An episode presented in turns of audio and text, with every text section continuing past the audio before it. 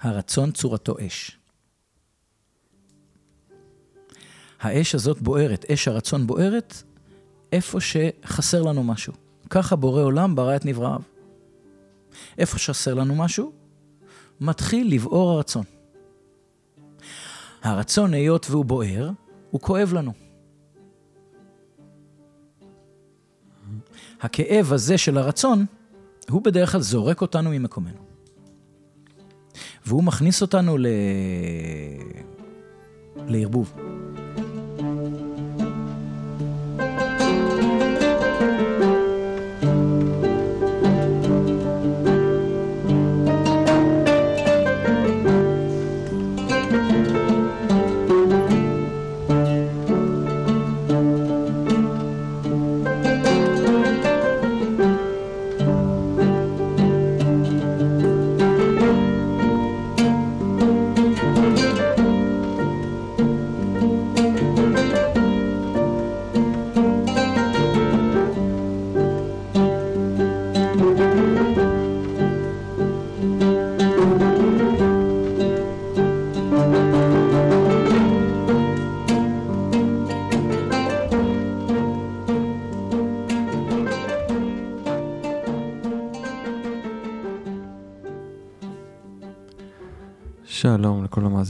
ומאזינות, ברוכים הבאים לפרק נוסף של הפודקאסט סינפסות.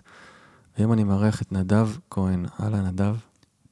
שלום, שלום. נדב, נעים מאוד, אהלן. אני שמח להיות פה. איזה כן. כיף. אמ, נדב הוא מורה בשיטת ימימה. ויש לו... אני פשוט ככה, אחרי שיעור, עשינו שיחת הקדמה, שהוא היה שיעור בפני עצמו. ואני ככה, אתה יודע, כבר באיזו התרוממות אה, רוח כזאת, והייתי צריך לעצור את השטף הזה ולהגיד, טוב, בוא נלחץ פליי, כי, כי אנחנו פשוט, אה, חבל לי שזה לא מוקלט. ואז אתה אומר לי, אל תדאג, אני מלמד את זה מהבוקר עד הלילה. אתה, כמה שנים אתה עושה את זה כבר? אה, אני עושה את זה משנת 2005 בעצם התחלתי, אז זה בעצם כבר אה, 17 שנה, פחות או יותר. וואו. ובעצם, אתה, אתה ממש מה, מהדור של פעם במובן הזה, אתה לא רואים אותך ברשתות, אתם מגיעים אליך פשוט כמו פעם מפה לאוזן, ואתה גם אה, עושה טיפולים, זה נקרא טיפולים או שזה נקרא לימוד? לימוד. ת, תמיד לימוד בשיטת ימים זה לימוד, אני לא, המושג טיפול הוא לא, אוקיי, אני לא, אני לא מת עליו. אה, אז אה, כן, אני מלמד. אז אתה מלמד יחידים וגם זוגות. גם הרבה זוגות, נכון? נכון. זה משהו שקרה ככה עם הזמן, אנחנו פשוט גרים ככה באזור אה, אזור דומה, ככה בחוף הכרמל, והרבה מהמכרים שלי, מכרות, אה, היו אצלך ב- בייעוץ זוגי, אה, ומאוד מאוד אוהבים אותך, אתה מאוד אהוב פה באזור ומוכר. יש סיבה שזה הלך לנתיב של, של זוגיות? זה משהו באוריינטציה שכיוונת אליו, שזה קרה ככה כדבר באופן טבעי? מהשיטה או מהחיים שלך? באופן טבעי זה גם הולך לזוגיות, מפני שתמיד אנחנו מדברים על, אה, בכל, גם בכל טיפול, אם אנחנו קוראים לזה טיפול, וגם בכל לימוד, בעצם אנחנו מדברים, זה תמיד מערכת זוגית. כי מערכת זוגית היא מערכת של אה, יחסים.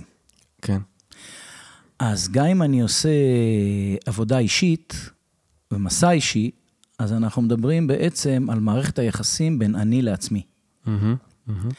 שהיא משתקפת אחד לאחד בתוך המערכת הזוגית. זאת אומרת, המערכת הזוגית עם בנות, בני הזוג שלנו, הם משתקפים אחד לאחד בתוך המערכת הזוגית, על פני המערכת הזוגית שלנו עם עצמנו. כן, זה המראה הכי אולטימטיבית. אולטימטיבית. נכון. אוקיי. גם בני הזוג וגם עם הילדים שלנו. וגם עם היחס, וגם מדובר על הדיאלוג או מערכת היחסים שלנו עם העולם, עם המציאות.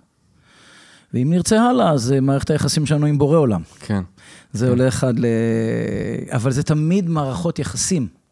הכל זה יחסים, כן. כן. מהמם, אז אני עוסק בכל מה שקשור למערכות יחסים. מהמם, מהמם. גם בין אדם לעצמו, גם בין אדם ובתוך הזוגיות שלו, כן, גם במקום העבודה, ו- ואני מלמד גם uh, קבוצות. אה, בשיטת ימימה כמובן? שיטת אוקיי, ימימה, שתכף- אני כמובן, זה כן. לא רק ימימה, זה, אוקיי. אני מכניס לשם עוד uh, דברים שספגתי וקלטתי ולמדתי במשך השנים. אבל אחד מעמודי התווך הגדולים זה ימימה, או בשפה אחרת, חשיבה הכרתית. אוקיי, שאנחנו תכף ננסה, אנחנו כבר נאמר מראש, נכון? אה, מדובר פה בלימוד אה, די ענק ורחב, ואנחנו נצטרך את הטעימה. אה, כן. ננסה כן. לתת טעימה צנועה ככה בפרק הזה, ותכף ככה נצלול לזה וטיפה מושגי יסוד. אני נת, נתקלתי בזה לאורך השנים, זה הגיע אליי, חברים שלמדו, אני סיפרתי לך קצת לפני, בתור אדם חוקר, אני כל פעם לוקח קצת מכל דבר, ויש דברים שלמדתי לעומק, יש דברים שאני ככה טועה מהם, ובאמת כל פעם שזה הגיע אליי, מאוד מאוד התחברתי ל... אני לא יודע אם זה לשפה, קודם כל זה שפה, זו שפה שהיא עומדת בפני עצמה ייחודית. כן. אמ, היא לא שפה שאולי השכל הישר שלנו יכול ישר לתרגם אותה, אבל יש שם כל מיני אה, חוקיות ו, וככה משפטי חוכמה שפתאום, אם אתה רגיש מספיק, זה יכול מיד לעשות לך משהו ולשנות לך. זו התחושה שלי שנתקלתי בזה, כן. וזה בעיניי אה, מדהים ומרתק. אמ, מאיפה נתחיל? אולי, אולי תספר לי קצת אה, ככה איך הגעת לזה ו... אוקיי. אז איך הגעתי? אני הגעתי, אני בעצם בעקבות אה, זוגתי היקרה, אה, נחתתי ב... הייתי שבע שנים בארצות הברית אחרי, אחרי הצבא ואחרי קיבוץ רביבים, אני בן קיבוץ רביבים. והייתי שבע שנים בארצות הברית, ובעצם חזרתי לארץ עם אה, זוגתי היקרה, ואיך שהגעתי לקיבוץ, פשוט נפלתי לדיכאון. Hmm. זאת אומרת, אה, הקיום שלי היה עייף מאוד מאוד ומותש ומרוקן. בגלל משהו שעברת או, לא או פשוט... בגלל משהו שעברתי, Mm. אלא בגלל של האופן שבו חייתי, וחייתי עם ממש כל מה שעשיתי, היה עול אחד גדול. חייב, מוכרח וצריך. אני כל הזמן עשיתי מה שאני חייב, מה שאני מוכרח ומה שאני צריך. בשפה שלנו, חמץ. אנחנו משתדלים אחר כך לבאר אותו. ומה מה עשית בעצם לפני כעיסוק או כ... לפני זה אני אה, לא, לא, אין לי, לא למדתי לימודים אקדמיים. אה, בארצות הברית, רוב השנים שהייתי שם, לפחות חמש שנים, עסקתי ברצפות עץ, בניתי רצפות עץ. אוקיי. עסקתי אז- אז בעץ. אתה גם איש של עבודה כן. כפיים כזאת. כן, כן. וכשנחתתי פה, הקיום שלי הסתכל עליי ואמר פוס, בעצם. זאת אומרת, הוא אמר לי, היום אני יכול לדעת בדיעבד מה הוא אמר לי. הוא אמר לי, התאמצת לי להוכיח את הזכות לקיומך. התאמצת להוכיח כמה אתה טוב בקיבוץ רביבים. התאמצת להוכיח כמה אתה טוב בצבא. התאמצת להוכיח כמה אתה שווה בארצות הברית.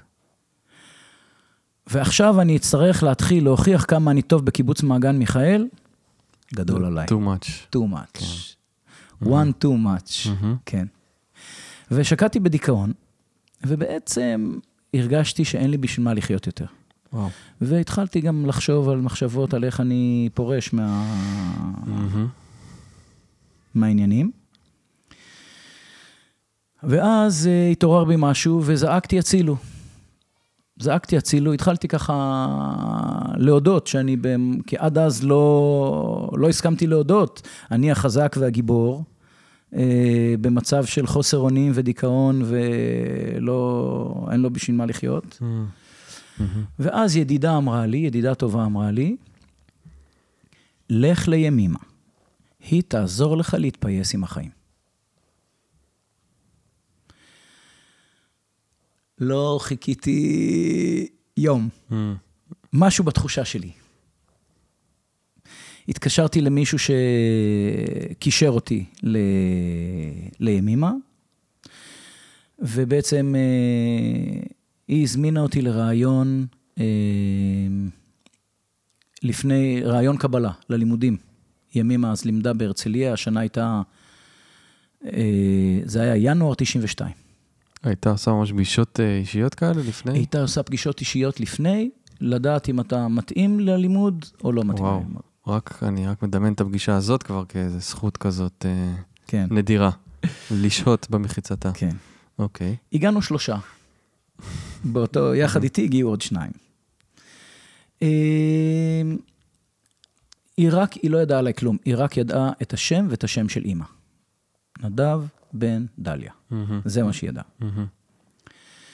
והיא מסתכלת על, ה... על, ה... על אחד החבר'ה, והיא אומרת לו, אתה, אתה תמתין עוד שנה, ועוד שנה נראה אם אתה, איך תיקלט. מהמם, כאילו, מהמם. אבל אה, אתה לא יכול להתחיל ללמוד עכשיו, תיקח לך שנה עוד להבשיל. אוקיי? ככה היא אמרה לו, פשוט. איזה כיף שיש מישהו שרואה אותך באמת, ומכוון. אותך ככה, ולא, יאללה, קורסים, בוא נלמד, בוא נעמיס. אתה יודע, כן. אנחנו חיים בעידן כל כך רווי, מצד אחד לטובה, מצד שני, לא כולנו יכולים, לא כל כלי יכול להכיל את כל האור הזה. אנחנו מתפרקים. אוקיי. עליי הסתכלה, היא ישבה במרחק, אסור היה להתקרב יותר מדי. Mm, בייחוד גברים היו צריכים לשמור מרחק. הייתה שם עוצמה שאנחנו לא מכירים. מהמם. והיא מסתכלת עליי והיא אומרת, אה, נדב, נדב, לא יודע את מקומך בעולם. המטפלת תפסה מהר מדי את המקום של אימא. לא נורא, נתקן, נתקן, יהיה בסדר. ככה היא אמרה לי. המטפלת? מי זו תפס- המטפלת? בקיבוץ. עכשיו, היא לא ידעה שאני אה, מקיבוץ. אה, אה, אה, אוקיי, וואו, אוקיי, אוקיי. אבל היא ראתה שהמטפלת. בקיבוץ תפסה מהר מדי את המקום של אימא. ולכן מתקשה לדעת את מקומי בעולם. וואו. זה, זו אומרת- הייתה כותרת. כן? אוקיי, רגע, רגע. זאת אומרת, מה שאתה מספר פה זה מה שהרבה אנשים יכולים להגיד, אה, כמו, אה, זה כמו תקשור, או כמו דברים כאלה. כן. מה, מה, מה קורה פה? מה קרה פה בעצם? ימימה הייתה מקובלת. מהמם. ומקובלת, אה, מקובל, מקבל. זה לא תקשור.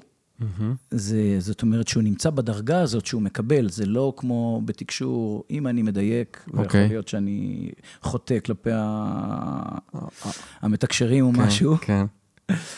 אבל ב- מקובלת, אתה, אתה נמצא במקום ואתה מבין ורואה את מה, ש... את מה שאתה מקבל. אתה מקבל. המידע פרוס לפניך, הוא נכון. פתוח. אין, אה. ולימימה לא הייתה שום הגבלה, מהמם. לא במקום ולא בזמן מבחינת הראייה שלה. היא יכלה לראות בכל הזמנים, והיא יכלה לראות בכל המרחקים. וואו. אה, אה, זאת אומרת, אין אנשים כאלה היום במוכרות, זאת אומרת, לא- בפומבי, אני לא נכון? מכיר, אני לא מכיר. בפומבי. אני לא מכיר. אולי בהסתר, אה, אולי כן. בחברות שאנחנו פחות נגישים אליהן. מאוד יכול להיות שאני לא מכיר ויש. הלוואי, הלוואי, כי זו מתנה גדולה מאוד. אוקיי. אבל לימימה היה את זה, מהמם. והיא ראתה. אתה יכול להגיד אולי עוד איזה משפט עליה, מי שלא מכיר, אני, לפעמים אני שוכח ש... אתה יודע, שאנשים כן. אולי לא יודעים, רגע, מה זה ימימה? מה זה שיטת ימימה? אוקיי. אולי להגיד משפט עליה, ו... ימימה הייתה אה, אישה צדקת, מקובלת, ב... במקום גבוה, רוחני מאוד, מאוד מאוד גבוה. אה, והיא, אה, מתוך מצוקות חייה, עד כמה שאני יודע, מתוך מצוקות חייה, נפתח לה שער, שער של קבלה. מהמם.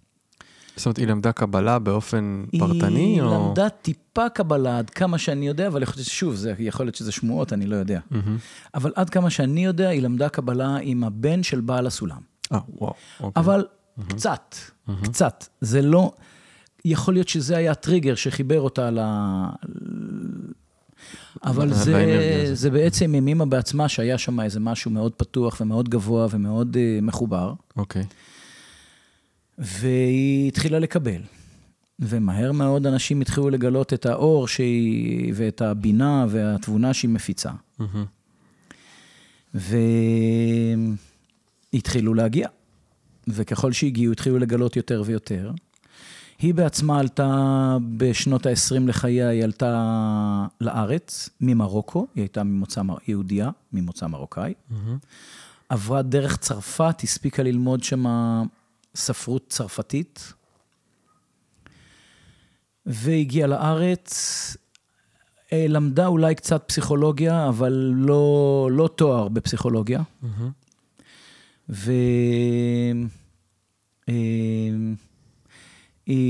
והשנים הראשונות היו בקיבוץ ברור חיל עם בעלה, ואחרי כמה שנים הם עזבו את קיבוץ ברור חיל ועברו לבאר שבע. ושם היא הייתה יועצת חינוכית בבית ספר יסודי בבאר שבע, במשך שנים. בערך בגיל 50, היא הייתה יועצת חינוכית בבית ספר, אף אחד לא ידע, אף אחד לא שמע, צדקת נסתרת, מה שנקרא, אבל לא, לא... באיזשהו שלב, אה, בגיל 50 פחות או יותר, בעלה נפטר, זכרו לברכה. אה, הבן אה, הגדול, או אני לא יודע אם הוא גדול אפילו, אבל בנה, ישי, אה, גר בארצות הברית, והייתה לה בת עם בעיות לא פשוטות. ש... וכל ה... המציאות הזאת, אני חושב, הביאה אותה לאיזושהי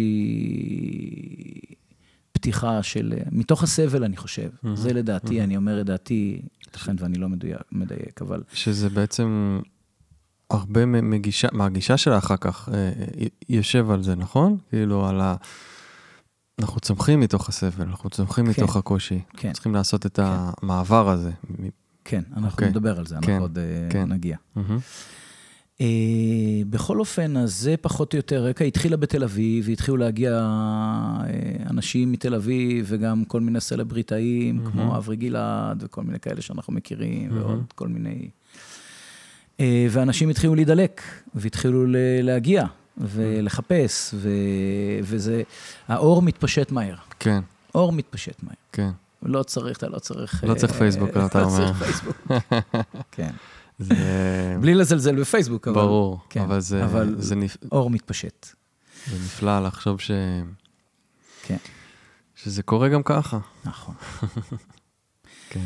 ואחרי בערך עשר שנים בתל אביב, אה, התלמידים שלה, הלומדים, הבינו שצריך לבנות איזשהו משהו יותר רציני, איזשהו מרכז, וממש אה, או בנו או שכרו לה בית בהרצליה הצעירה, רחוב ברנר, אם אני לא טועה, 38, אם אני זוכר את הכתובת.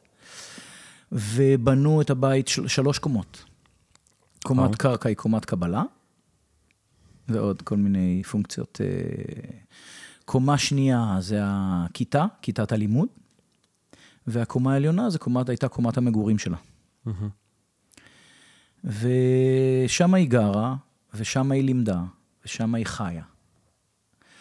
כאשר התלמידים פחות או יותר מספקים את כל או רוב צרכיה. אוקיי? ממש, הבינו איזה אוצר, הבינו איזה אוצר יש פה, וכיבדו ואהבו והריצו, ו... ו... ימימה דאגה לא להיות גורו. היא דגלה ב... לא ליצור תלות עם הלומדים, ולא ליצור תלות עם המטופלים, ושהמטופלים לא ייצרו תלות בה. מטופלים uh, היו באים אליהם ממש ל... למה שנקרא לריפוי, להילינג כלשהו, אתה גם מרפאה מרחוק הבנתי, כן. זאת אומרת, עסקה בריפוי לא רק בלימוד, אלא גם... כן. אם לא מהציפורי ניסים, נכון? היא עסקה בריפוי. הלימוד שלה זה לימוד מרפא, כן. אבל היא עסקה גם בריפוי, מה שנקרא ריפוי אנרגטי.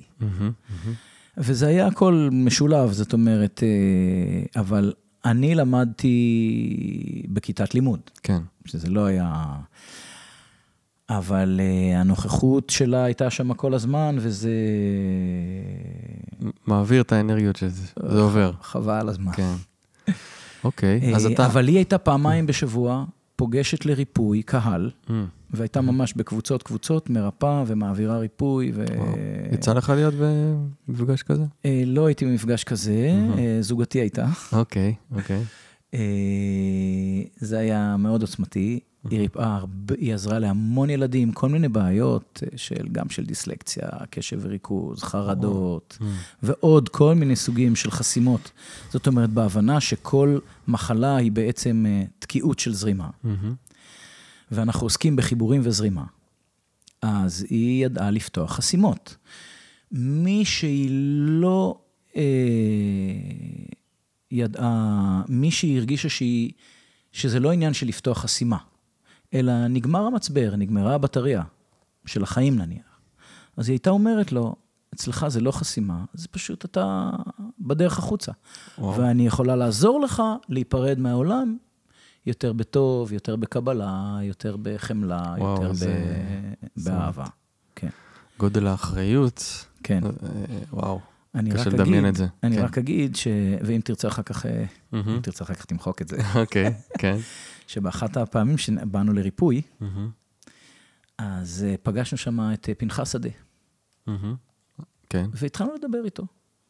איש מאוד נחמד, לבבי, והוא היה אז במחלת הסרטן שלו. ושאלנו אותו, נו, וימימה, אה, היא אמרה שהיא יכולה אה, לרפא אותך ולהציל אותך מהמחלה וזה וזה, הוא אמר לא. היא אמרה לי שאני לקראת הסוף, ושהיא תעזור לי להיפרד בטוב. שזה, אה, שזה, וזה... שזה גם אה, חסד גדול מאוד, נכון, נכון. לעזוב את העולם הזה בטוב. אז, כן. כן. אז זה ככה אנקדוטה שזכורה לי מה, מהמם. מהמפגשים ב... שקשורים בריפוי. מהמם. לא כולם היא הייתה יכולה לרפא. זה שוב, זה הכל בהתאם למסע הנשמתי של כל אחד ואחד מאיתנו. כן. כל אחד ואחת מאיתנו. אז אם חוזרים למסע הנשמתי שלך, נכנסת אדם אה. מדוכא, ומה קרה לך? היא קיבלה אותי. והשיעורים היו בימי ראשון, כל פעם בשבוע בימי ראשון, ואני הייתי על החיים ועל המוות, כל יום ראשון, לוקח אה, רכב ממעגן מיכאל ונוסע לשיעור בשבע בערב, ביום ראשון, בהרצליה הצעירה. לא עניין אותי שיטפונות, היו אז שיטפונות באיילון, זה היה חורף, זה היה חורף 92. מהמם. אני נסעתי בתוך השיטפונות, אני נסעתי בתוך המים. מבחינתי, הלימוד שם אצל ימימה, זה היה על החיים ועל המוות. מהמם. מהמם. כי הבנתי שהאופן שבו אני יודע לחיות, במקום להחיות אותי ולחזק אותי, מחליש אותי ועושה את, ועושה את ההפך. זה על החיים ועל המוות. מהמם. אבל ברגע, מהפגישה הראשונה, כשהיא אמרה לי, נדב, לא יודע את מקומך בעולם וכו', כבר הרגשתי שהגעתי למקום הנכון, ואחרי השיעור הראשון, למרות שחשיבה הכרתית זאת שפה, כן. וזאת שפה בינתית, וזאת שפה חיה, שהיא פועלת או היא עובדת לא, לא תמיד להבנה של השכל הגשמי mm-hmm. ולהיגיון, אלא היא עובדת, כשאנחנו מדברים על הבנה בחשיבה הכרתית, הבנה, הכוונה להבנת הלב. Mm-hmm. זאת אומרת, אנחנו רוצים להגיע להבנת הלב ב, ב, בדברים, בחיים, ו... ולכן היא דיברה, תאמין לי, זה היה כמו סינית. מהמם. מילה לא הבנתי בשיעור, זאת אומרת, היא דיברה במילים עבריות, כן. אבל לא הבנתי על מה היא מדברת ולא הבנתי מה היא רוצה, רק קלטתי מלא אור ומלא טוביות והמון חמלה, וקלטתי שאני נמצא במקום שאני מחפש אותו כל חיי. אה, זו תחושה. הייתי בן 32. גיל, אוקיי. גיל משמעותי. כן. כן. זאת אומרת, הרגעתי כזה הרגשה של מצאתי, כזה, הגעתי הביתה. לגמרי. לגמרי. כאילו. הנשמה מזהה, היא מזהה את ה... המלל הזה שהוא, באמת, גם אנשים אומרים את זה על אה, שפת הזוהר וכן הלאה, שאתה לא מבין את זה אינטלקטואלית, אבל זה כן עושה לך משהו בפנים, אתה לא יודע בדיוק מה, אבל נכון. זה כן נותן לך את האור הזה. פה זה שילוב, זה כמו, זה לא, זה לא סתום כמו הזוהר, זה לא ארמית וכולי, כן. נכון? זה שילוב. אבל אתה יודע שחלק תבין מיד, חלק לא תבין, וחלק לא תבין שלא הבנת. אוקיי? והדברים, אבל זה כמו זרעים שהם נובטים אחר כך, וכל כל זרע נובט בזמנו ועל פי, אה, כן. על פי הסדר שמכתיבה המהות, ואנחנו נדבר אחר כך גם על המהות. כן. אני רק עוד אגיד ש... אמ, שם למדתי לסמוך, וקודם כל לסמוך שכל מה שידעתי בחיים שלי, לגבי החיים שלי, עד אז אני יכול לשים בצד מהמם. ולהסכים להתמסר, ללמוד, לחיות נכון אחרת. זאת אומרת, להבין שיש עוד צורה לחיות. כי בצורה שאני חייתי, נמאס לי לחיות. ופתאום הבנתי, וואלה, יש אלטרנטיבה. יש דרך אחרת. והתמסרתי.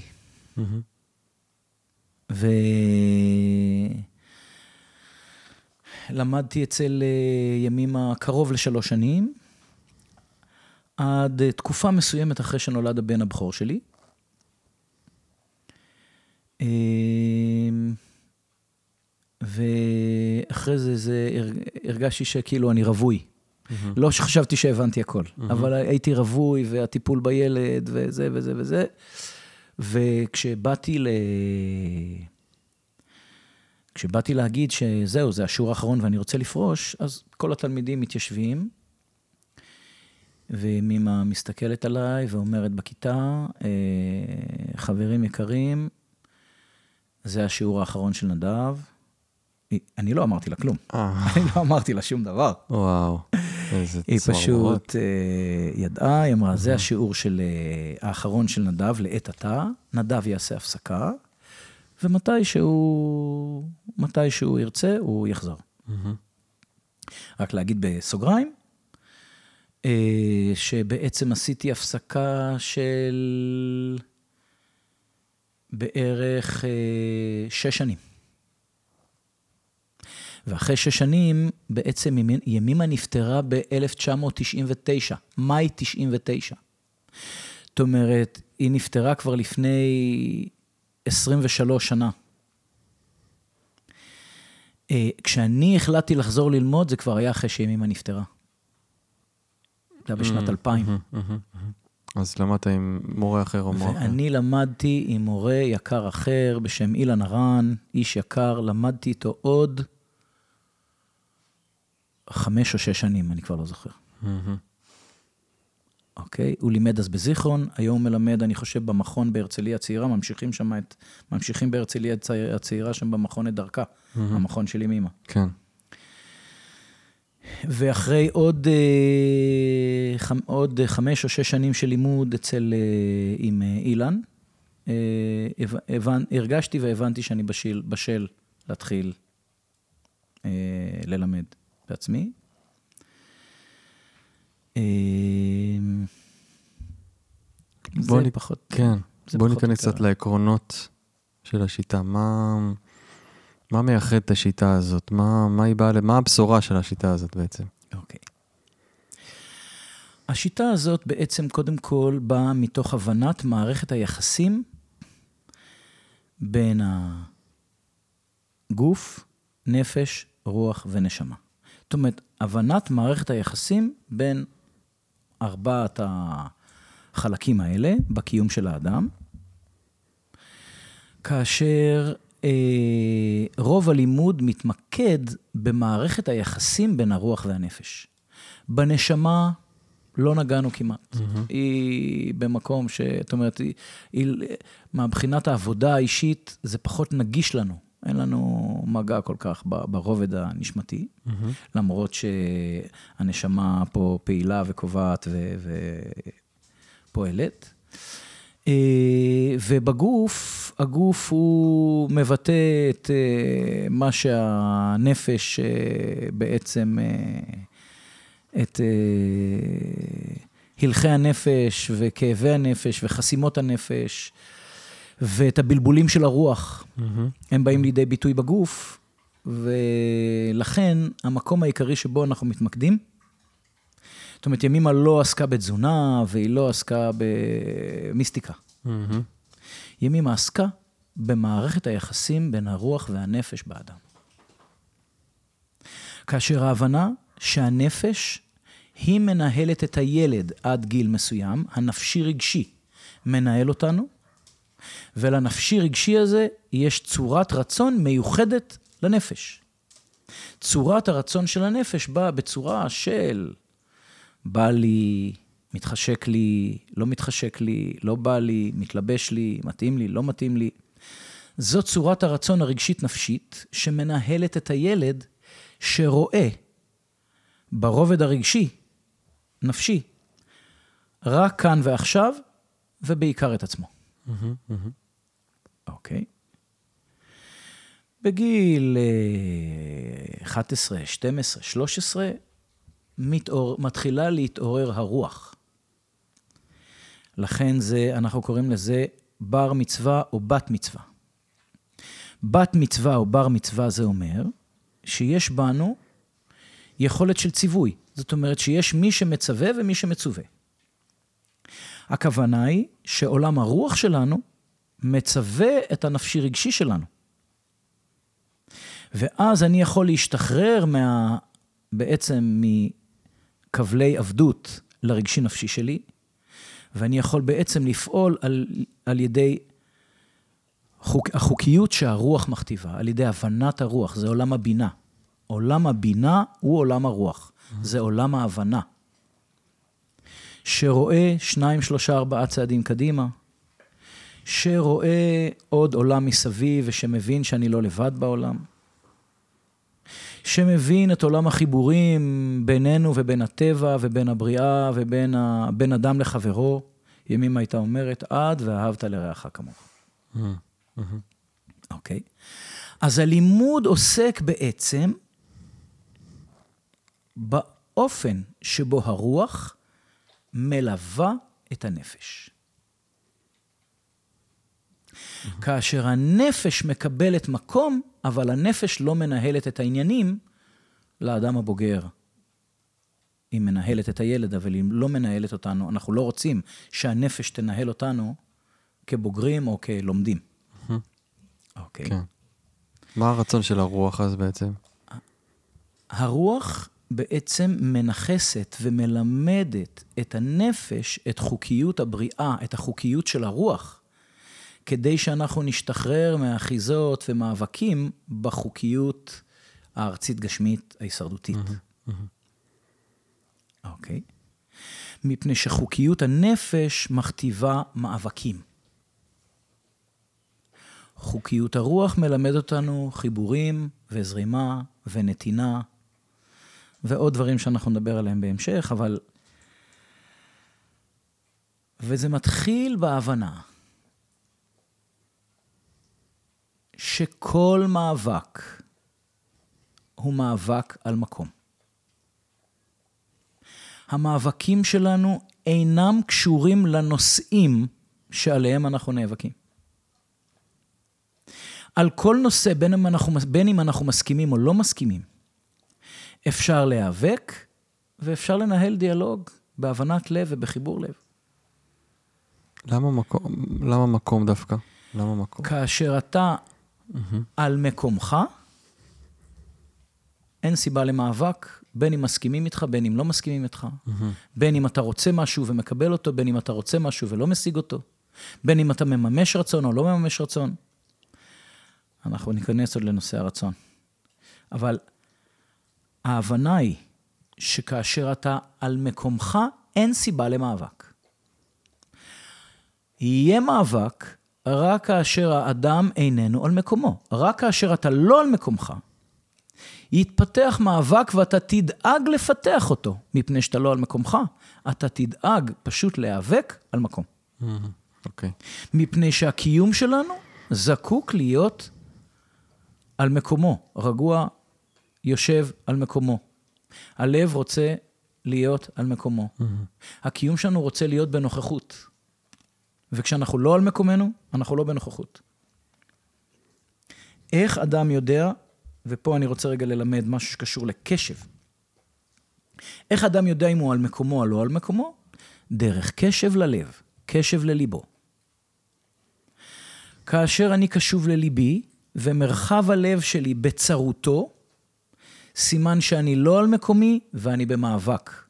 גם אם אני מדבר מאוד בנימוס. גם אם מדבר נורא יפה. אבל אי אפשר לפספס את זה, שאני במאבק. קוצר רוח, מתח, לחץ ועוד כל מיני דברים שישנם שם. זה כבר מאבק על מקום. כאשר מרחב הלב שלי פתוח ומתקיימת זרימה נעימה, והחוויה היא של חום לב, של חיבור, אהבה אפילו, אז אני יודע שאני על מקומי. ואני לא במאבק, אני בנתינה. הלב הוא שער המערכת. כאשר מרחב הלב סגור ואני במאבק, כל המערכת סגורה. הקשב סגור, הרגש סגור, המחשבה סגורה, הראייה סגורה, הדיבור סגור, העשייה סגורה. כל המערכת, חלקי הגוף בסגירותם, הכל סגור. זה השער בעצם. זה להכל. השער. כאשר מרחב הלב פתוח, הכל פתוח. הקשב פתוח, הראייה פתוחה, הדיבור פתוח, ה- ה- ההבנה פתוחה, ה- הכל פתוח. איך פותחים את הלב? אז זה בעצם... אה, זה התרגול בעצם? זה ה... זה התרגול.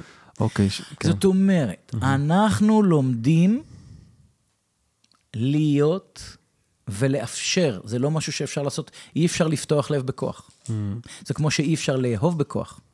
אי אפשר להתאמץ לאהוב. מהמם. אפשר לשים לב שאי אפשר להתאמץ לאהוב. למה? כי מאמץ לאהוב זה כבר מאבק. אז זה כבר עומס. אז זה הפוך מלאהוב. מהמם. אוקיי? אהבה מתאפשרת. אהבה היא מצב המחדל, היא, מצב ה... היא המצב הטבעי שלנו, זה אהבה. אנחנו נבין מתי אנחנו לא על מקומנו, אוקיי? אבל... אה, אז אי אפשר, לא אנחנו פותחים את הלב, אבל אנחנו יכולים ללמוד, לאפשר ללב להיפתח. כי אי אפשר לפתוח לב בכוח. זה שני דברים סותרים. אוקיי. אוקיי. אני רק עוד אגיד רגע אחד, אה, ש... מה מזיז אותנו ממקומנו?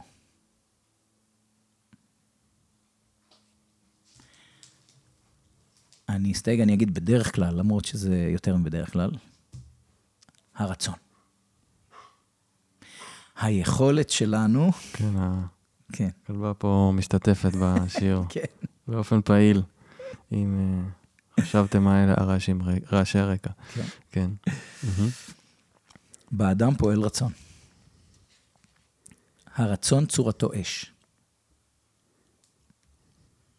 האש הזאת בוערת, אש הרצון בוערת איפה שחסר לנו משהו. ככה בורא עולם ברא את נבראיו. איפה שחסר לנו משהו, מתחיל לבעור הרצון. הרצון, היות והוא בוער, הוא כואב לנו. הכאב הזה של הרצון, הוא בדרך כלל זורק אותנו ממקומנו. והוא מכניס אותנו ל... לערבוב. יש שתי סיבות עיקריות שאני רואה שהרצון צורתו אש. אחד, שלא נוכל להתעלם מהאש הזאת, כי אם היינו יכולים להתעלם מהרצון שלנו, או בעלי החיים, תאר לך פרה, שוכבת באחו, וחסר לה אוכל בבטן, וצורת הרצון הייתה כמו נחל מפכפך. וזה היה נעים לה. היא הייתה מתה ברעב. אוקיי. בור, הבריאה הייתה צריכה לוודא שבעלי החיים ישלימו את החסר לקיומם. ואחד מבעלי החיים האלה, שאחר כך עולה לדרגה אחרת, אבל אחד מבעלי החיים האלה זה אדם. אז ברובד הכי הישרדותי והפשוט, הרצון בוער בנו, כדי לוודא שלא נוכל להתעלם מהרצון ולא נוכל להתעלם מה, מהצרכים והשלמת החסר לקיומנו. זה אחד, זה הישרדותי לגמרי. והדבר השני, האש של הרצון, היא האנרגיה שמשמשת אותנו להשלמת החסר. תחשוב על צייד הזולו, מהמם. כשהוא ומשפחתו רעבים, האש הזאת בוערת בו, אש הרעב בוערת בו. האנרגיה הזאת של האש של הרצון צריכה להספיק לו להכין את כלי הציד, ל... לצאת לסוואנה, לזהות את האנטילופה, סליחה עם הצמחונים והטבעונים, לזהות את האנטילופה, לרדוף אחריה, להשיג אותה, לצוד אותה, לשאת אותה בחזרה אל הכפר, להפשיט אותה, לוותר אותה לנתחיה, לאסוף עצים ולעשות מדורה, לצלות אותה על האש עד שהוא יכול להשלים את החסר לקיומו ולקיום משפחתו. צריך המון אנרגיה. זאת האש של הרצון. היא משמשת אותנו לאנרגיה הזאת להשלים את, אה, את החסר לנו. אוקיי. כן. אז בגדול, מה שמפריע לנו להיות על מקומנו באופן רצוף, זה הרצון שלנו, שהוא כואב לנו. אוקיי. דבר נוסף, ברובד אחר, וזה קשור לתכלית הלימוד. אנחנו עפים ממקומנו כאשר אנחנו פוגשים חלק שלנו שלא מקבל מקום. זאת אומרת, תכלית הלימוד היא להתקרב לעצמנו ככה שיותר ויותר חלקים שלא קיבלו מקום, כמו חולשה, כמו רגישות, כמו פגיעות, כמו אה, חוסר אונים, כמו אה, חוסרים אחרים. לרוב, דרך אגב, החלקים שלא מקבלים מקום, לרוב, זה החלקים הנקביים שלנו. זה החוסר, זה החלל הריק. החלקים האלה של החלל הריק לא מקבלים מקום. גם כי הם כואבים, וגם כי הם נוגדי הישרדות. ברור שאנחנו מעדיפים להיות בשפע, חזקים, מוכשרים, יכולים, אבל ההסכמה לטעות, זאת אומרת, היכולת לשגות, לא, לא, בדרך כלל לא מקבל טעות, לא מקבל מקום. אנחנו מסתירים. במיוחד בחברה המערבית שלנו. נכון מאוד, נכון מאוד. כן. ככל שיותר חלקים שלי מקבלים מקום, אני יכול להיות יותר ויותר על מקומי. אם איפה שעפתי ממקומי, זה אומר שיש שם חלק שלא מקבל מקום. אוקיי. אוקיי? עכשיו, הלימוד נעשה בצורה הרבה של הכתבה, נכון? הרבה, זאת אומרת, של לכתוב את ה... את נכון המשפטים המקוריים שנאמרו, ש... ש... נכון? איך זה, איך זה קורה בדיוק? כן. שיש לזה גם אפקט איך אנחנו לומדים. על ההכרה וכן הלאה. דיברנו על זה נכון. קודם, מאוד חשוב לי כן. אז שנחזור על זה. אוקיי, יופי. אז פה אנחנו מגיעים בעצם לאופן הלימוד ושיטת הלימוד, כי מה שאמרתי עד עכשיו הוא משותף להרבה תחומים של לימוד רוחני, וזה לא מיוחד דווקא רק לחשיבה הכרתית. חשיבה הכרתית בעצם אה, מבינה ולוקחת בחשבון שבאדם מתקיים שדה הכרתי. זה נקרא שדה ההכרה. שדה ההכרה הוא במקום בעצם שהקיום הנפרד שלנו מכיר ופוגש את כל הרישומים במפגש עם הקיום הגדול מסביב. ולכן כל רישום, כל, זאת אומרת, כל דבר, כל חוויה, כל פיפס, כל צליל, כל, כל מחשבה וכל ניסיון שלנו, נרשם על שדה ההכרה. בקבלה קוראים לזה רשימו. זה הרשימו. כל תולדות חיינו נרשמים על שדה ההכרה, והמהירות או התדירות שבה הדברים נרשמים על שדה ההכרה שלנו, על פי ימימה, זה במהירות של 1 חלקי 1082 השנייה. ככה היא לימדה. זאת אומרת, אנחנו יכולים להבין שהמהירות שהדברים נרשמים על שדה ההכרה שלנו, היא הרבה הרבה הרבה הרבה יותר מהירה מהיכולת שלנו להבחין, לקלוט, להיות מודעים ולהיות בבחירה לגביו. זה רישום במהירות, אה, פעם הייתי יכול להגיד מחשב על, היום יש, זאת אומרת, שאפילו אין מחשב על שרושם במהיר, היום אנחנו יודעים שיש מחשבים שרושמים יותר מהר כנראה. אבל מבחינתנו, זה אומר דבר מאוד חשוב. יש לנו את שדה ההכרה, ועל שדה ההכרה רשומים רישומי חיינו ודפוסי ההתנהלות שלנו, שסיגלנו לעצמנו.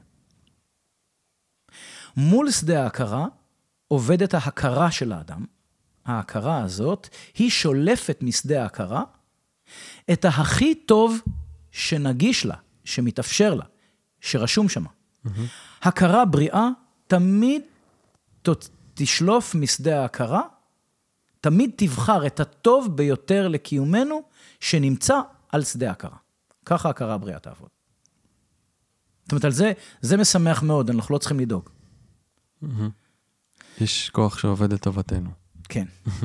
כן. זאת אומרת, כל רישום יותר טוב, ישר, זאת אומרת, במ- במוקדם או במאוחר ההכרה תאמץ אותו, ותגלה שהרישומים האחרים, הישנים יותר, המסורבלים יותר, הכבדים יותר, הפחות שמשרתים אותנו, הם מיותרים. והיא, והיא תזהה אותם כמיותרים ותייתר אותם. אוקיי. השיטה עובדת ככה, היות והתגובה שלנו היא מגיעה מההכר, מההכרה ושדה ההכרה שלנו. אין לנו שום יכולת בחירה שמה, שום יכולת בחירה אה, שכלית, ארצית, גשמית, מודעת. אני, אני לא יכול לבחור לא לכעוס. Mm-hmm. למה? מפני שאני אכעס. אם יש לי דפוס של כעס ולא רשום דפוס אחר, אני אכעס הרבה יותר, הרבה קודם, שאפילו הצלחתי לשים לב שאני כועס.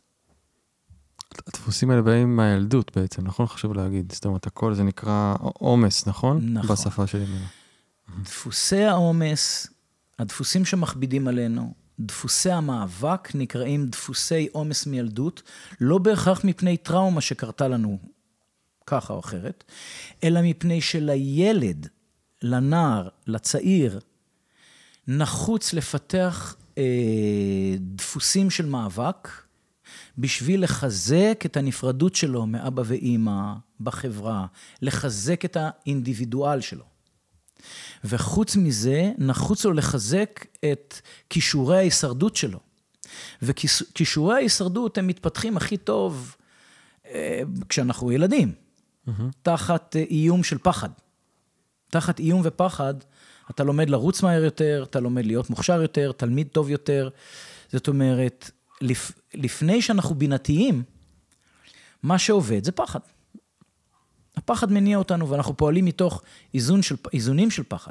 אני זוכר כשהייתי תלמיד, אז נתנו לי שיעורי בית, וזה תמיד היה בין האיזונים האלה. בהתחלה פחדתי לעשות את שיעורי הבית. דחיתי, דחיתי, דחיתי, דחיתי, עד שהשתנה האיזון, ופתאום שלושה ימים לפני שהייתי צריך להגיש, או יום, או בלילה האחרון שהייתי צריך להגיש את שיעורי הבית, הפחד מה יקרה אם אני לא עושה את שיעורי הבית. התגבר על הפחד לעשות את שיעורי הבית, ואז הייתי עושה את שיעורי הבית. אוקיי, אני יכול להגיד בפירוש שאני הייתי תלמיד שפעל מתוך איזונים של פחד. אני חושב שרובנו ככה, כן. בתור תלמידים. כן. זאת אומרת, צריך להבין שדפוסי העומס, דפוסי המאבק, נחוצים היו לילד. אי אפשר לחסוך אותם. נחוצים היו לילד, נחוצים היו לצעיר, נחוצים לנער. אבל לנו כבוגרים, כלומדים, אנחנו רוצים לאט-לאט לרשום על שדה ההכרה שלנו רישומים של חיבור וזרימה, רישומים של נתינה, רישומים של חמלה, רישומים של הבנת לב. כי הזרימה הזאת, שמתקיים, הזרימה מתקיימת בחיבורים, והזרימה הזאת היא זרימת החיים. צריך להבין שהמאבקים מחזקים את הנפרדות שלנו ומחלישים את החיים בעצם, בהרבה מובנים. כן. זאת אומרת שעבודה מתוך דפוס של מאבק נקראת בשפה ההכרתית התחזקות מהגורם המחליש. אני מתחזק מהמאבק, אבל זה בעצם מחליש אותי. וכשנמאס לאדם להתחזק, מהגורמים, להתחזק מהגורם המחליש, לפעול בדפוסים של מאבק, אז הוא בדרך כלל סובל מזה מספיק, וזועק הצילו. זה ו... מחזיר אותנו גם להתחלת השיחה, מה שסיפרת על עצמך, ב... אבל זה גם לוקח אותי למקום של התמכרויות, ו... בדיוק. אתה יודע, אפילו התמכרויות ל... אתה יודע, דפוסי, דפוסי חשיבה שליליים, או נכון. דפוסים שהקורבנות למשל, ממש אפשר, אפשר, לראות, אפשר לראות התמכרות לא, לאנרגיה הזאת, לאנרגיה המחלישה הזאת. נכון. יש התמכרות, וזה הולך ומחריף, עד, אה, עד שזה מגיע למצב קיצוני, שבו נמאס לך, mm-hmm. ואז אתה אומר, די, אני לא יכול יותר, אני מחפש משהו אחר. אני חייב לחפש משהו אחר, כי החיים ככה כבר לא, לא שווים לי. Mm-hmm. אוקיי? כן.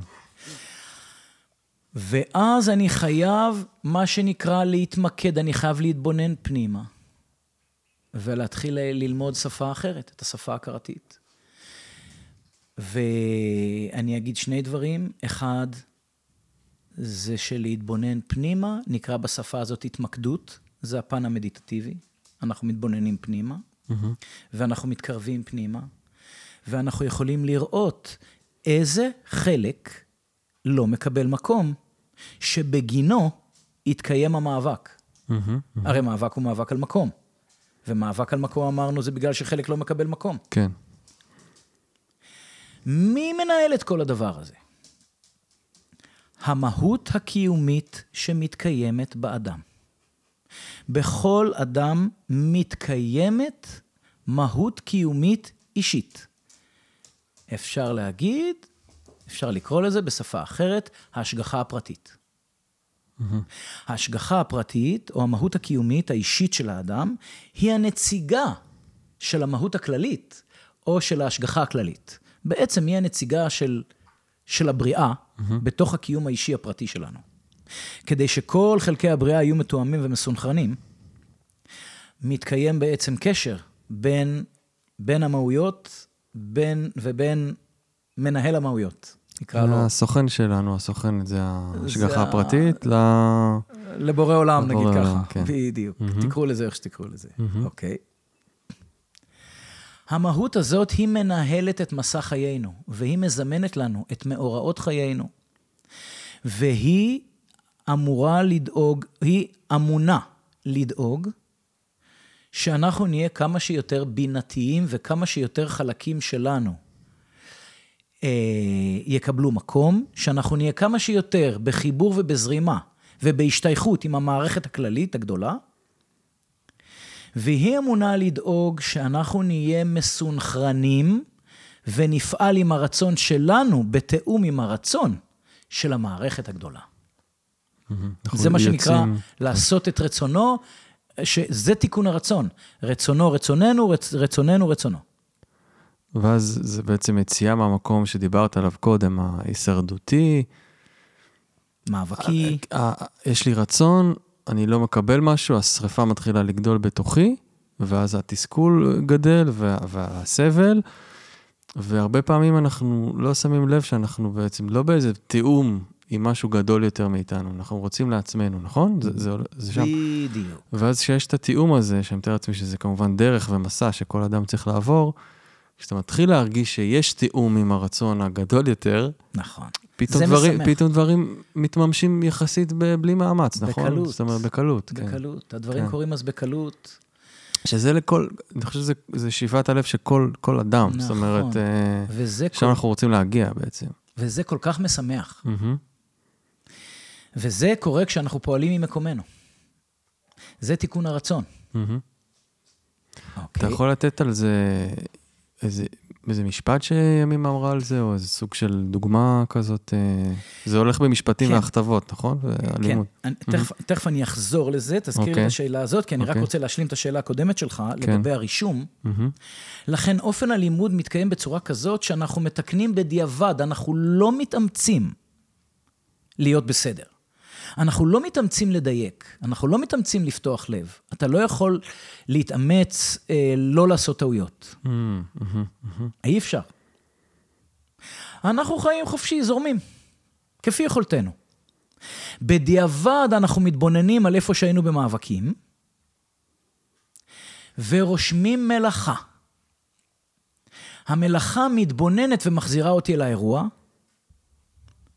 רושמת את תחושות גופי, אני רושם את תחושות גופי, אני רושם את רגשותיי, ואני רושם את מחשבותיי.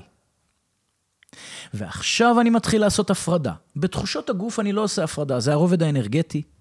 אני לא עושה הפרדה בתחושות הגוף, מה שהרגשתי זה מה שהרגשתי, אני רק לומד להרגיש את הדברים שהרגשתי, להכיר אותם. אתה מדבר על איזשהו עכשיו ניתוח מקרה שהיה? כן. אוקיי. כן, זה כן, נקרא כן. מלאכה? כן. זה ממש. נעשה בכתיבה? זה תרגיל כתיבה, אפשר לומר בצורה פשוטה? נכון מאוד. אוקיי, למה? אוקיי. כי הכתיבה היא הצורה הטובה ביותר שימימה מצא לנכון, ואני חושב שזו צורה מאוד יעילה.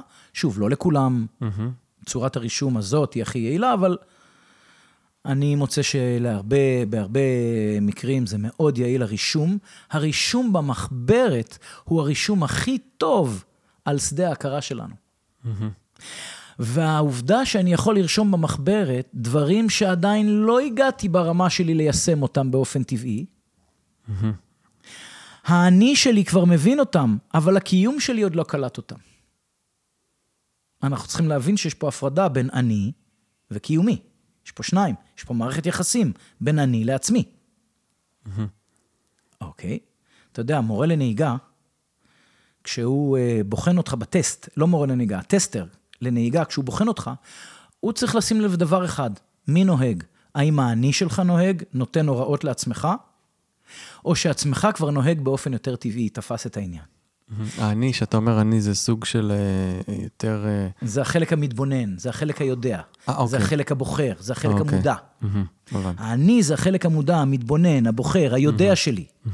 עכשיו, החלק היודע שלי, הוא יודע את הדברים בעולם הרוח, לפני שהקיום שלי מפנים אותם. הבנתי. זאת אומרת, בהתחלה אני צריך להגיד לעצמי, תעביר מהלך, עצמי מעביר מהלך. אה, תסתכל בראי ימין, עצמי מסתכל על ראי ימין. תסתכל בראי שמאל, עצמי מסתכל בראי שמאל. זאת אומרת, אני מנהיג את עצמי, צעד צעד. הטסטר רואה דבר כזה, אומר, לך תמשיך, לעשות- לך תתאמן, תרכוש מיומנות בנהיגה. אוקיי, אז אוקיי. זה מה שקורה בכתיבה, אני כותב, אני נותן פקודות לעצמי. אני הוראות, רושם, רושם. נכון, זאת הפעולה של האני הרוחני שלנו באדם. שמדבר אל החלק הקיומי, אל הגשמי וכן אל הלאה. הקיום שלי, בדיוק. אוקיי. ואל הרגשי-נפשי שלי. ואנחנו אומרים, אתה אומר, זאת אומרת, אנחנו נוסעים באוטו ואנחנו מקווים שהנהג הזה, בסוף הם יתחברו ביחד ו- ואני אדע להעביר הילוכים. באופן זה, אוטומטי. אבל אני לא ו- עכשיו אה, עוצר ואומר, רגע, רגע, עד שאני לא אדע להעביר הילוכים באופן אוטומטי, אני לא אסע. נכון. אוקיי. אני, אנחנו מתחילים לתרגל, ואנחנו מתחילים לרשום, ולאט לאט מתחילים לראות תוצאות שמחזקות מאוד. אבל אה, הרישום במחברת הוא לב הלימוד, הוא העיקר. בלי זה, זה לא... יש התקדמות וכו' וכו', אבל זה לא נותן את התוצאות המקוות. זה רישום של המלאכות גם, וגם של מה שנאמר, נכון? נכון, אוקיי. רישום של מה שנאמר בשיעור, העתקה של החומר, מחדש, עוד פעם. כן, אנחנו. מעתיק, אנחנו כאילו, אנחנו... היא הכתיבה בכלל, היא הכתיבה, לא מדפים. היא קיבלה, ואנחנו רשמנו, מהמם. ב live, מה שנקרא. ב live. כן. ולפעמים לא היינו מספיקים, לא הייתי מספיק לרשום, כי רשמתי די לאט, ואז הייתי מחסיר איזה מילה, ושם הייתי מתעכב, ונתקע. והיא הייתה אומרת לי, נדב, נדב, אל תיתקע על מילה שלא הספקת. אתה, זה כמו בחיים שלך. תמשיך קדימה. תמשיך קדימה. אחר כך תשלים את מה שהחסרת. אבל אם אתה מתעכב על המילה הזאת שלא... שלא... שפספסת, עכשיו אתה מפספס את השלושים מילים הבאות שלי. תניח. ת, תמשיך לכתוב. תתקדם. אותו דבר קצת- בחיים. בח- זה באתי להגיד, כאילו בוא ניקח את זה לחיים. בדיוק, אותו דבר בחיים. אנחנו- כן. אנחנו לא צריכים להבין הכל בשביל להמשיך קדימה. זה, אני אקח את זה רגע לדוגמה, ברשותך, לדוגמה ממש מהחיים, כי אני, אני אוהב, אתה יודע, לעשות את- הצמצום הזה. ש... כן. כי זה באמת ידע מאוד מאוד רחב, ואיך זה, קורה בחיים, אז סתם, אולי דוגמה, תגיד לי אם זה, מסתדר, כי כן. שיחה עם חברה טובה, על ענייני זוגיות. אה, אני בעצמי גם מתעסק בייעוץ לזוגות, ליחידים וכן הלאה, והחברה הזאת אה, ככה מחפשת זוגיות, אנחנו מכירים את הסיפור של רווקות, נקרא לה מאוחרת או לא, זה כבר עניין אה, תרבותי אולי, כן. והיא שואלת, למה אני פוגשת את הגברים האלה והאלה שוב ושוב? למה זה לא מתאים? למה זה לא קורה לי? ויש את החלק שרוצה באמת למצוא את, ה, את הסיבה. כי יש איזשהו שורש ב, בנפש, אה, שהוא הוא ממגנט דברים כאלה ואחרים לצורכי תיקון. אבל יש חלק אחר, שאני חושב שאתה מדבר עליו, וזה מה שעניתי לה באותו רגע, שזה מה שהרגשתי באותו רגע, זה פשוט צריך להמשיך. לפעמים פשוט צריך להמשיך ולהתנסות, ולהתנסות, ולהתנסות. והחסרת מילה, כמו שאתה אומר, החסרת את המילה הזאת, יש פה איזה תיקון מסוים, עשינו אותו, אנחנו עוברים, אנחנו עוברים להתנסות הבאה, ועוברים להתנסות הבאה. בסוף, המערכת אם אתה נשאר במודעות הזאת, שאני חושב שאתה בעצם מדבר על מודעות בצורה מאוד אה, ככה, זאת אומרת, נכון? זה נקרא מודעות, זה נקרא חשיבה הכרתית, אז כן. בס, בסוף יש, הצמצום פערים קורה, ו, ו, והדבר הזה, יש איזשהו מימוש שהוא נכון לך. נכון. זה, זה תהליך הלימוד.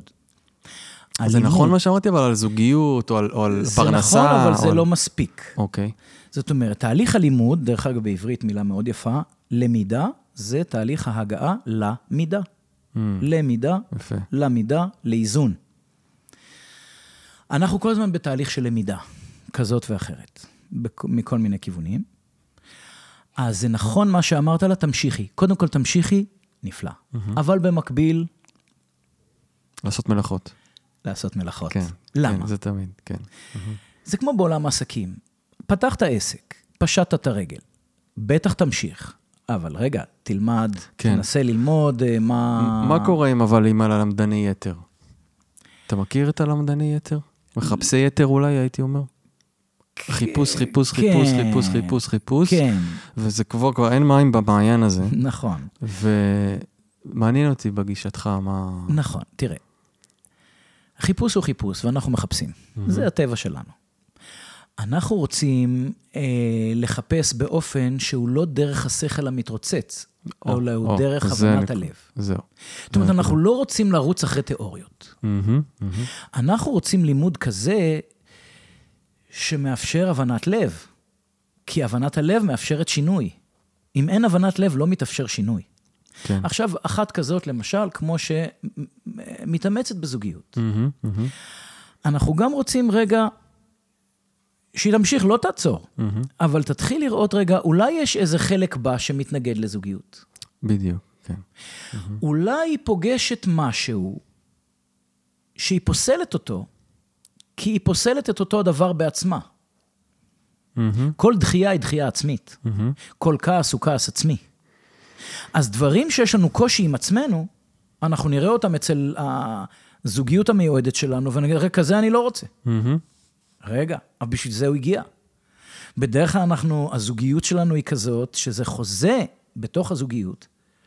הרי המערכ- המערכת הזוגית שלנו, היא משקפת לנו את מערכת הזוגיות שלנו עם עצמנו. מהמם. כן, ככה התחלנו את השיחה. נכון בדיוק. מאוד. כן. אז יבואו דווקא כאלה שהיא כאילו לא מסתדרת איתם. וזה החלקים שהיא לא מסתדרת זה בתוך החלקים עצמה. שהיא לא מסתדרת כן. איתם בעצמה. עכשיו, ככל שהיא תעשה עבודה ותהיה יותר רכה עם עצמה, ויותר קרובה לעצמה, ויותר סבלנית עם עצמה, ויותר אה, מקבל, ומקבל, ויותר מפויסת עם עצמה, היא תגלה שהיא יכולה להיות יותר מפויסת עם אה, בני זוג. מהמם, מהמם.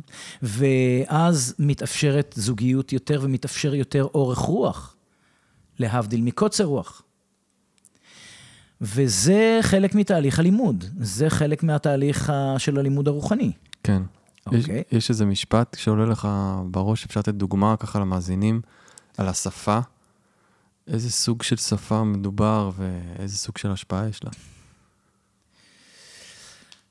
אני תמיד אוהב, אני אוהב להגיד את המשפט שהוא הוא תפס אותי ראשון. מהמם. היות ואנחנו רוצים להפריד בין שני סוגי מחשבה. יש לנו השכל המתרוצץ והמחשבה הבינתית. את השכל המתרוצץ, זה הקופיקו הזה שמקשקש לנו בשכל, אנחנו רוצים ללמוד, לתחם אותו כמיותר. אנחנו רוצים ללמוד, לבחור להאמין למחשבה הבינתית. המחשבה הבינתית, אני מזכיר, זו המחשבה שמחוברת ללב. ללב, אוקיי? היא המחשבה המחזקת. השכל המתרוצץ מחליש אותנו. גם הרגש מתחלק לשני חלקים, אם יהיה זמן, נדבר על זה. אבל המשפט שאני הכי אהבתי, וימימה אמרה, כשהלב מסכים, המחשבה לא מתנגדת. זה כלי מדהים. מפני שאם המחשבה בקונפליקט, זה אומר שהלב במאבקו והלב לא מסכים. ואז אני רוצה ואני יכול לבדוק למה הלב לא מסכים לעשייה הזאת, לרצון הזה, לדיבור הזה. וההבנה שכשהמחשבה מתרוצצת, זה אומר שהלב במאבקו, זה אומר שאני לא על מקומי.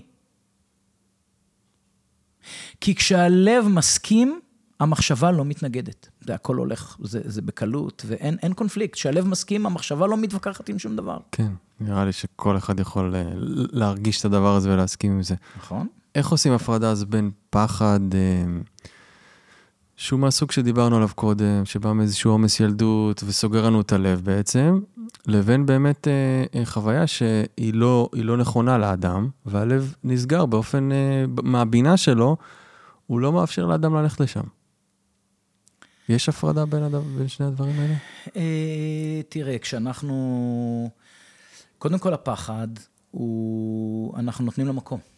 Mm-hmm. אנחנו נותנים לו מקום מכובד. אבל הוא לא אוחז בהגה של המכונית. הוא לא מנהל אותנו. אבל הוא מקבל מקום, מפני שהפחד בעצם נולד עם הרצון. איפה שנולד לך רצון, גם נולד פחד. Mm-hmm. לא רק זה, הפחד גונב את הכוח שלו מהרצון. אתה רוצה להצליח בעסק, אתה פוחד שהעסק לא יצליח. Mm-hmm. אתה רוצה להתחיל עם איזה בחורה, אתה פוחד שהיא לא תרצה אותך. אתה רוצה... אה, כל דבר, כל רצון שעולה, עולה איתו גם פחד, חשש, דאגה, שההפך מהרצון שלך יתקיים. כן, זה הדואליות של, ה... של נכון. הדברים. עכשיו. אבל, לכן, הרצון, גונ... הפחד גונב את הכוח שלו מהרצון. זאת אומרת, הפחד לא יכול להיות יותר חזק מהרצון. בוא נגיד, פחד המוות, הוא לא יכול להיות יותר גדול וחזק מהרצון לחיות. מפני שפחד המוות הוא בעצם הרצון לחיות. הוא פשוט בא לידי ביטוי בצורה של פחד, מהמם. מולנו. אוקיי. כן, הפחד שהעסק ייכשל לא יכול להיות יותר גדול מהרצון שהעסק יצליח. הם באותה עוצמה, כי אנחנו מדברים על אותו, על אותו הכוח, הוא פשוט פועל בכיוונים שונים, בוקטורים שונים. מהמם.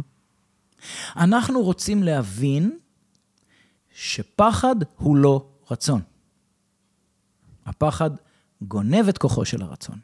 אנחנו רוצים ללמוד איך בבחירה, דרך רישומים של מלאכות, אנחנו לומדים לקחת חזרה את הכוח שיש לפחד, מתוך קבלת הפחד, אבל אנחנו לוקחים את הכוח מה, מהפחד, מחזירים אותו לרצון.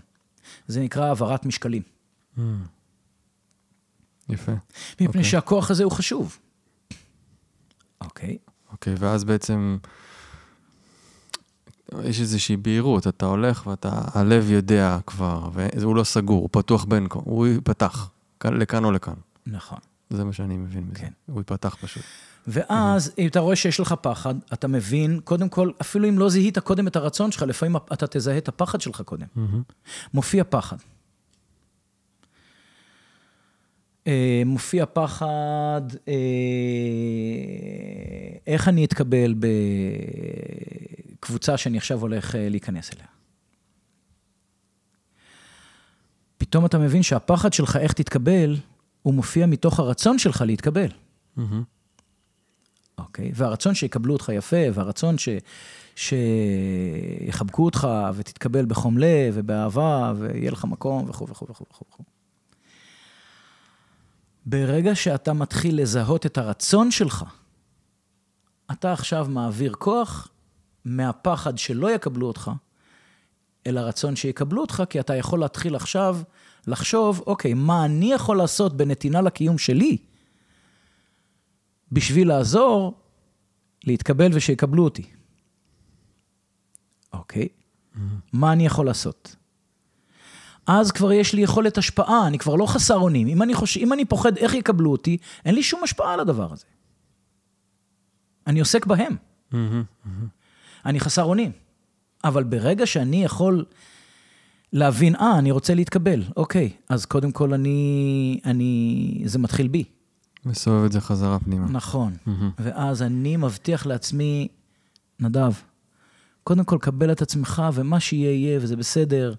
תסמוך כפי יכולתך, ותתמודד עם מה שתפגוש. ו, ובעיקר, תבט... אני מבטיח לעצמי שאני אושיט יד לעצמי מהמם. ללא תנאי, בכל תנאי. מה שיהיה, אנחנו ביחד. אתה לא לבד, אני אומר לקיום שלי. זה הליווי, זה הליווי שהרוח מלווה את הנפש. יפה, כן.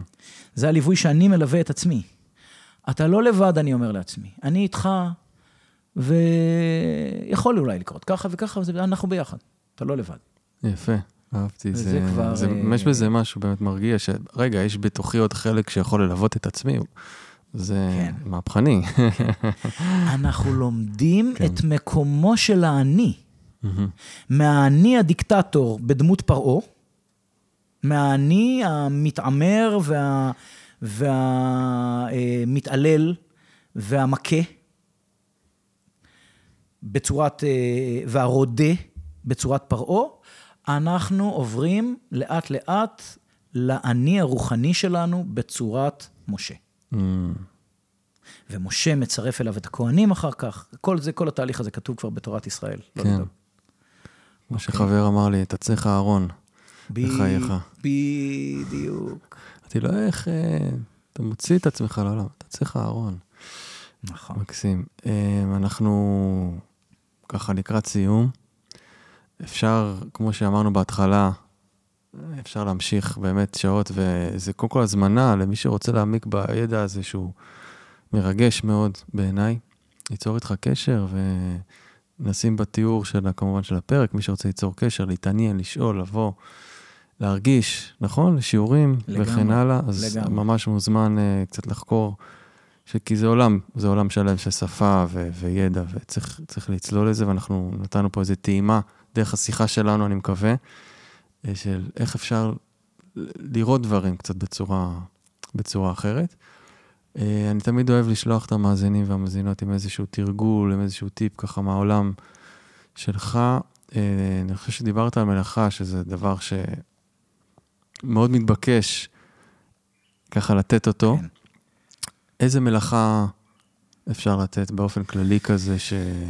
אה, בשלב הזה זה קצת מוקדם אוקיי, לתת למאזינים מלאכה, אבל אוקיי. אני, אני אתן כן, בדרך כלל את שיעורי הבית הראשונים שאני נותן. ללומדים שמתחילים. כן. זה, אנחנו מתחילים בללמוד להתמקד.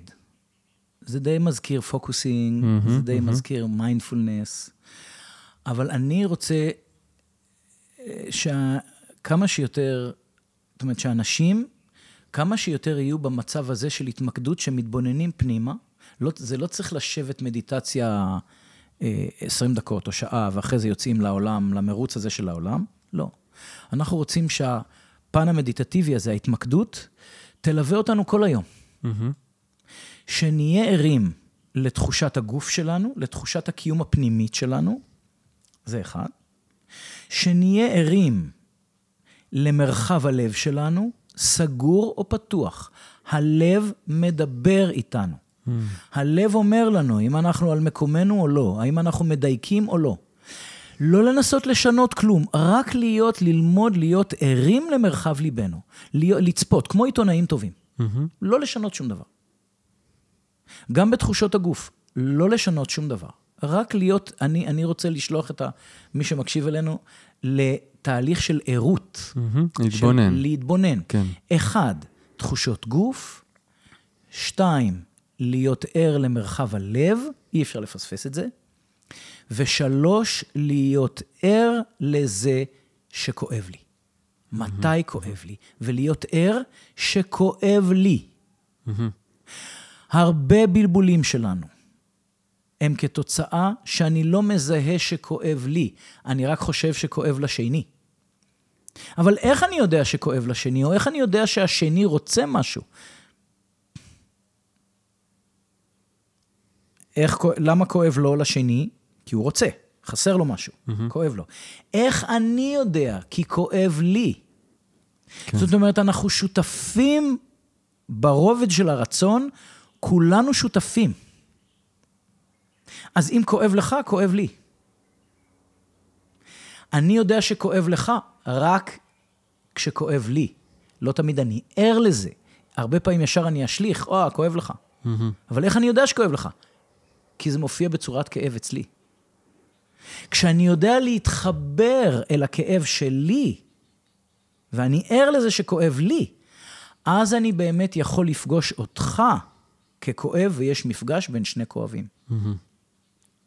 אחרת המפגש הוא אחר, אבל אני לא... זה רק פשוט לשים לב. תחושות גוף, מרחב הלב וכאב, מתי כואב לנו. זה השיעורי בית הכי מהממים ממש. וטובים שאני יכול לתת כרגע. יאללה, הלוואי שמי שמאזין ייקח את זה באמת. ממש. אה, נדב, ממש ממש תודה. שני נדבים נפגשו ככה לשיחת לב. תודה רבה, רבה, רבה. ו- נהניתי מאוד. גם אני. לפעמים לא נתתי לך, לפעמים לא נתתי לך לדבר. זה-. הרגשתי, הרגשתי חלק משיעור, גם בגלל זה אני ככה כן, הייתי בעמדת ספיגה יותר. כן. אה, ניפגש בהמשך, ממש תודה. תודה רבה, רבה, להתראות. רבה. להתראות.